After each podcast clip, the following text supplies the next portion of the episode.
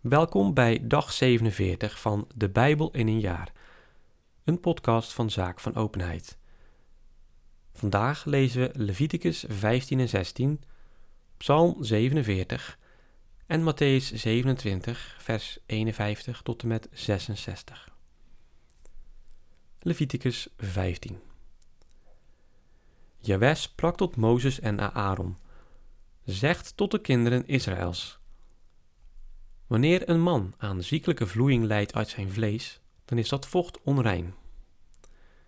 En het is voor zijn onreinheid bij zijn vloeiing gelijk of zijn vlees het vocht laat lopen of niet. Hij is onrein.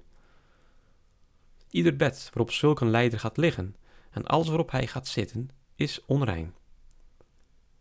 Wie zijn bed aanraakt, moet zijn kleren wassen, een bad nemen en is tot de avond onrein.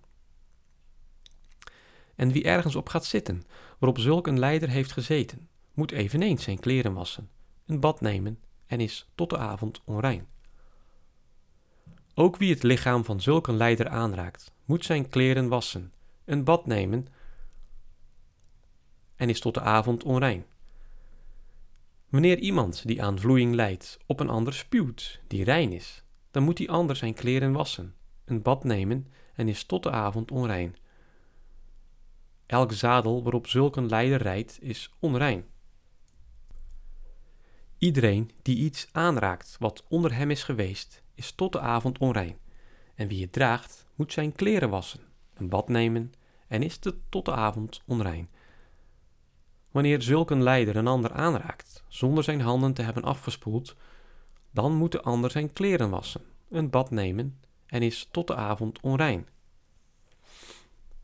Een aden vat dat de leider aanraakt, moet worden gebroken, en elk houten vat met water worden afgespoeld. Wanneer zulk een leider weer van zijn kwaal is genezen, moet hij nog zeven dagen wachten eer hij rein is. Daarna moet hij zijn kleren wassen en zich in stromend water baden. Dan is hij rein. Op de achtste dag moet hij twee tortels of twee jonge duiven nemen voor het aanschijn van Jewe bij de ingang van de openbaringstent komen en ze aan de priester geven. De priester moet ze offeren, de een als zonde, de ander als brandoffer. Zo zal de priester voor hem verzoening verkrijgen voor het aanschijn van Jewe en is hij bevrijd van zijn kwaal. Wanneer een man een uitstorting heeft gehad, moet hij heel zijn lichaam baden en is tot de avond onrein. Elk kledingstuk en leren voorwerp dat daardoor wordt bezoedeld, moet worden gewassen en is tot de avond onrein. Wanneer een man gemeenschap met een vrouw heeft gehad, moeten beiden een bad nemen en zijn tot de avond onrein. Wanneer een vrouw haar stonden heeft, verkeert zij zeven dagen in staat van onreinheid. Wie haar aanraakt, is tot de avond onrein. Alles waarop zij in die toestand gaat liggen of zitten, wordt onrein. Wie haar bed aanraakt, moet zijn kleren wassen, een bad nemen en is tot de avond onrein. Wie iets aanraakt waarop zij heeft gezeten, moet zijn kleren wassen, een bad nemen en is tot de avond onrein. Zelfs wie iets aanraakt dat op het bed heeft gelegen, of op iets waarop zij heeft gezeten, is tot de avond onrein. Wanneer een man gemeenschap met haar houdt en door haar wordt bezoedeld, is hij zeven dagen onrein, en elk bed waarop hij ligt wordt onrein. Wanneer de vrouw buiten de tijd van haar stonden langere tijd aan vloeiing lijdt, of haar stonden langer dan gewoonlijk duren, dan is zij al die tijd even onrein als tijdens haar stonden. Voor elk bed waarop zij al de tijd van haar kwaal gaat liggen, zal hetzelfde gelden als voor het bed van haar stonden. En alles waarop zij gaat zitten zal even onrein zijn. Wie iets ervan aanraakt, zal onrein zijn. Hij moet zijn kleren wassen, een bad nemen en is tot de avond onrein. Wanneer zij van haar kwaal is genezen, moet ze nog zeven dagen wachten eer ze weer rein is. Op de achtste dag moet zij twee tortels of twee jonge duiven nemen en die naar de priester bij de ingang van de openbaringstent brengen. De priester moet de een als zonde, de ander als brandoffer opdragen. Zo zal de priester voor haar verzoening verkrijgen voor het aanschijn van Jewe en is zij bevrijd van haar onreine kwaal. Vermaand dus de kinderen Israëls zich voor onreinheid te behoeden, opdat zij niet wegens hun onreinheid sterven, door mijn tabernakel dat te midden van hen staat te bezoedelen. Dit is de wet voor hem die aan vloeiing lijdt, of uitstorting heeft, waardoor hij onrein wordt. Ook voor haar die door haar stonden onrein is. Ze geldt zowel voor de man als de vrouw die aan vloeiing lijdt, en voor iedereen die gemeenschap heeft met de onreine.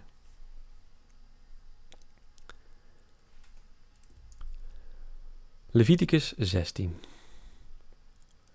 Na de dood van de twee zonen van Aaron, die waren gestorven toen zij voor het aanschijn van Jewij wilden naderen, sprak Jewij tot Mozes en zeide tot hem, Zeg uw broeder Aaron dat hij niet ten allen tijde in het heiligdom mag komen, achter het voorhangsel en voor het verzoendeksel dat op de ark ligt.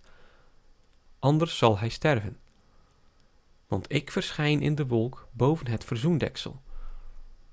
Slechts dan mag Aaron binnen het heiligdom komen, wanneer een jonge stier als zondeoffer en een ram als brandoffer is opgedragen.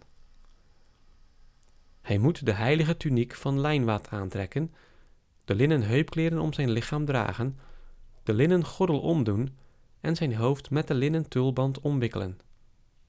Dit zijn de heilige gewaden. Hij moet ze aantrekken na eerst zijn lichaam met water te hebben gewassen. Van de gemeenschap der Israëlieten moet hij twee bokken nemen voor een zondeoffer en één ram voor een brandoffer. Dan moet Aaron de stier, die voor zijn eigen zondeoffer is bestemd, opdragen, om voor zichzelf en zijn huis verzoening te verkrijgen. Vervolgens moet hij de twee bokken nemen, ze voor het aanschijn van Jewe aan de ingang van de openbaringstent plaatsen en over de beide bokken het lot werpen. Eén lot voor Jewe, één lot voor Azazel. Ten bok waarop het lot voor Jewe valt, moet hij voor laten brengen en als zondeoffer opdragen. Den bok waarop het lot voor Azazel valt, moet hij levend voor het aanschijn van Jewe plaatsen om de verzoeningsplechtigheid aan hem te verrichten en hem dan de woestijn in te jagen naar Azazel.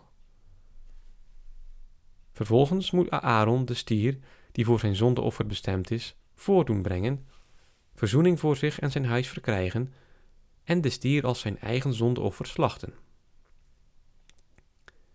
Daarna moet hij een pan vol gloeiende kolen van het altaar, dat voor het aanschijn van Jewe staat, met twee volle handen fijne, geurige wierook nemen, die achter het voorhangsel brengen en de wierook voor Jebes aanschijn op het vuur leggen, zodat de wierookwolken het verzoendeksel boven de wettafelen omhullen, anders zou hij sterven. Dan moet hij wat bloed van de stier nemen, dat met zijn vinger aan de voorkant op het verzoendeksel en zevenmaal voor het verzoendeksel sprenkelen. Daarna moet hij de bok slachten, die voor het zondeoffer van het volk is bestemd, zijn bloed achter het voorhangsel brengen en daarmee handelen als met het bloed van den stier, het dus op en voor het verzoendeksel sprenkelen. Zo moet hij voor het heiligdom de verzoeningsplechtigheid verrichten en het zuiveren van alle onreinheden en overtredingen der Israëlieten, welke hun zonden ook zijn. Vervolgens moet hij hetzelfde doen met de openbaringstent, die, hij hen, die bij hen te midden van hun onreinheden staat. Niemand mag in de openbaringstent aanwezig zijn, van het ogenblik af dat hij er binnentreedt, om in het heiligdom de verzoeningsplechtigheid te verrichten, totdat hij ze weer verlaat. Vervolgens moet hij naar buiten gaan, naar het altaar dat voor het aanschijn van Jewe staat, om ook daarvoor de verzoeningsplechtigheid te verrichten. Hij moet wat bloed van den stier en van het bok nemen, daarmee de hoornen van het altaar aan alle kanten bestrijken en met zijn vinger zevenmaal wat bloed daarop sprenkelen. Zo zal hij het zuiveren van de onreinheden der Israëlieten en het weer heiligen. Wanneer hij de verzoeningsplechtigheid voor het heiligdom, de openbaringstent en het altaar heeft beëindigd, moet hij de levende bok voor laten brengen. Aaron moet zijn beide handen op de kop van de levende bok leggen, over hem de belijdenis van de misdaden en overtredingen der Israëlieten uitspreken, wat hun zonden ook zijn, ze op de kop van de bok leggen en hem door iemand die ervoor is aangewezen de woestijn in laten jagen. Deze moet de bok in de woestijn loslaten, en de bok zal al hun zonden naar de wildernis dragen. Vervolgens moet Aaron de openbaringstent binnengaan, de linnen gewaden uittrekken waarmee hij zich had bekleed toen hij het heiligdom binnentrad, ze daar weer neerleggen, zich op een heilige plaats wassen en zijn eigen kleren weer aandoen. Dan moet hij naar buiten gaan en zijn eigen brandoffer en dat voor het volk opdragen. Zo moet hij voor zichzelf en het volk verzoening verkrijgen. Het vet van het zondeoffer moet hij op het altaar in rook doen opgaan. Hij die de bok voor Azazel heeft weggebracht, moet zijn kleren wassen en zich baden. Dan eerst mag hij in de legerplaats komen. Den stier en den bok van het zondeoffer, wier bloed binnen het heiligdom is gebracht om verzoening te verkrijgen, moet men buiten de legerplaats brengen, en hun huid, hun vlees en de darmen moet men verbranden. Die ze verbrand heeft, moet zijn kleren wassen en een bad nemen. Dan eerst mag hij in de legerplaats komen. Dit is voor u een eeuwig geldende wet. Op de tiende dag van de zevende maand moet ge boete doen en u van alle arbeid onthouden. Dit geldt zowel voor den ingezetene als een vreemdeling die in uw midden woont. Want op die dag zal men de verzoeningsplechtigheid voor u verrichten om u te reinigen, en zult ge van al uw zonden voor het aanschijn van je weg worden bevrijd. Het moet voor u een volkomen rustig zijn, waarop ge boete moet doen. Dit is een eeuwig geldende wet. De priester die men zal zalven en als opvolger van zijn vader tot priester zal aanstellen, moet de verzoeningsplechtigheid verrichten. Bekleed met de heilige linnen gewaden, moet hij de verzoeningsplechtigheid verrichten voor het heilige der heiligen, voor de openbaringstent, voor het altaar en eveneens voor de priesters en voor heel de gemeente van het volk. Dit moet voor u een eeuwig geldende wet zijn, om eenmaal per jaar voor Israëls kinderen verzoening te verkrijgen en kwijtschelding van hun zonden. En Aaron deed zoals Jewe het Mozes bevolen had. Psalm 47 Voor muziekbegeleiding van de zonen van Kore, een psalm. Volkeren, klapt allen in de handen, juicht en jubelt ter ere van God. Want ontzaglijk is Jewe, de Allerhoogste, een machtig koning over heel de aarde. Hij legt de volken voor ons neer en naties onder onze voeten. Hij, hij kiest het erfdeel voor ons uit, de trots van Jacob, zijn beminde. God stijgt ten troon met jubelzang, Jaweh met bezuingeschal. Zingt en jubelt ter ere van God, zingt en juicht voor onze koning. Want hij is koning van heel de aarde. Zingt dus een hymne ter ere van God. God heeft het koningschap over de volkeren aanvaard. God heeft zijn heilige troon bestegen. De vorsten der volkeren sluiten zich aan bij het volk van Abrahams God. Want goden behoren de heersers der aarde. Hoog verheven is hij alleen. Matthäus 27, vers 51 tot en met 66. En zie, het voorhangsel van de tempel scheurde in tweeën, van boven tot onder. De aarde beefde en de steenrotsen spleten vaneen. De graven gingen open en vele lichamen van ontslapen heiligen verrezen. Ze verlieten de graven, kwamen na zijn opstanding in de heilige stad en verschenen aan velen. Toen nu de honderd man en die met hem Jezus bewaakten, de aardbeving met wat er verder gebeurde bemerkten, verschrokken ze hevig en zeiden: Ja, waarachtig, hij was Gods zoon. Vele vrouwen die Jezus van Galilea af waren gevolgd om hem te dienen, stonden daar van verre toe te zien.